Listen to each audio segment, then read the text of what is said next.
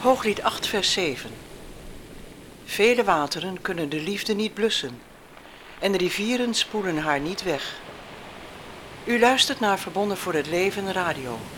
Een eenvoudige bijbelstudie over het huwelijk, zoals God het bedoeld heeft. Samenstelling en presentatie Willem en Helen Lingeman.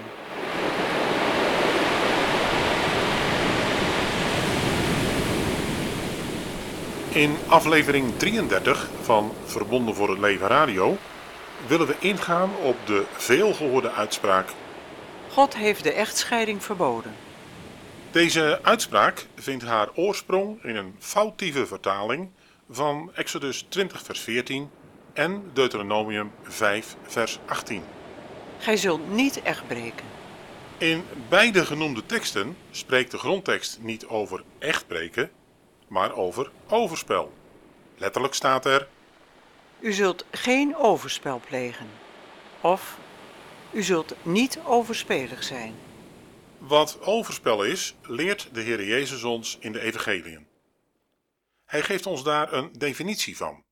Ieder die zijn vrouw verstoot en met een andere trouwt, pleegt overspel.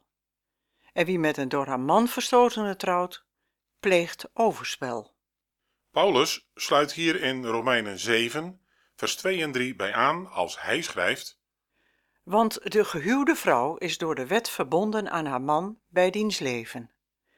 Maar is de man gestorven, dan is zij vrijgemaakt van de wet die haar aan de man bond. Daarom zal zij een overspeelster worden genoemd, als zij bij het leven van haar man de vrouw van een andere man wordt. Maar als de man gestorven is, is zij vrij van de wet, zodat ze geen overspeelster is als zij de vrouw van een andere man wordt. Echtscheiding, echtbreuk, vindt plaats als een van de echtgenoten sterft. Dan is de echt definitief en onherstelbaar verbroken. Bij het leven kan er geen echtbreuk plaatsvinden. Volgens Paulus is er één reden waarom mensen uit elkaar mogen gaan. Als de ongelovige dat van de gelovige vraagt. Paulus schrijft ons in 1 Corinthians 7, vers 15 het volgende. Maar indien de ongelovige haar verlaat, laat hij haar verlaten.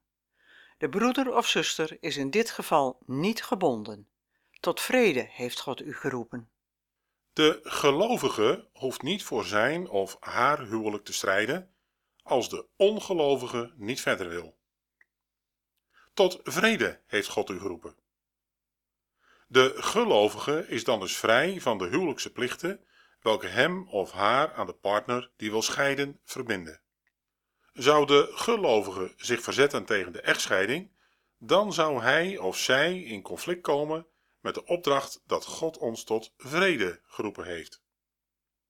Dat is wat vrede in de grondtekst betekent. Het Griekse woord wat de Bijbel gebruikt staat voor het aspect van rust en veiligheid ten opzichte van de omgeving, de gemeente, het koninkrijk van God en het huwelijk. Echter, deze tekst is geen vrijbrief om te hertrouwen met een andere man of vrouw. Dat staat er ook helemaal niet.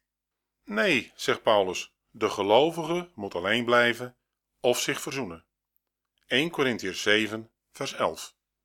En als zij toch gescheiden is, laat zij ongetrouwd blijven of zich met haar man verzoenen, en dat de man zijn vrouw niet mag verstoten. Hiermee bevestigt de apostel het principe van het huwelijksverbond. Het is een verbond voor het leven. Een bloedverbond dat alleen door de dood verbroken kan worden. Het kan natuurlijk zijn dat een relatie zo gewelddadig of bedreigend is dat het samen onder één dak wonen onverantwoord zou zijn. Als man en vrouw in zo'n situatie uit elkaar gaan, lezen we nergens in Gods woord dat het niet zou kunnen. Maar ook in die situaties blijft het gesloten verbond in stand.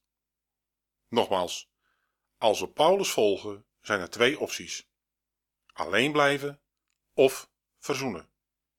We moeten dan ook niet de vraag stellen of we mogen scheiden. Nee, de vraag die we moeten stellen is: vindt God het goed dat we na een scheiding hertrouwen met een andere man of vrouw? Het antwoord is nee. Als we een nieuwe relatie aangaan, noemt de Heer Jezus dat overspel. Paulus heeft een ernstige boodschap voor ons. 1 Corinthians 6, vers 10. Dwaalt niet, noch hoererers, noch overspelers, noch ontuchtigen zullen het koninkrijk Gods beërven. Gelaten 5, vers 19 en 21. Nu is het duidelijk wat de werken van het vlees zijn: hoererij, overspel, onreinheid, losbandigheid. Waarvan ik u tevoren zeg, zoals ik ook tevoren heb gezegd, dat wie zulke dingen bedrijven, Gods koninkrijk niet zullen beërven. Het huwelijk is een afbeelding van de relatie tussen de Heer Jezus en zijn bruid. Zijn geliefde, die hij eeuwig trouw blijft. Elke keer als twee mensen uit elkaar gaan, wordt dat beeld beschadigd.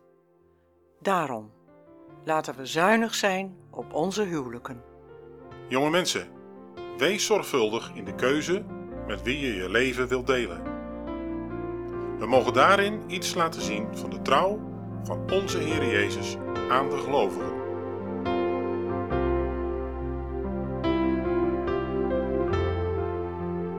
Spreuken 3, vers 3.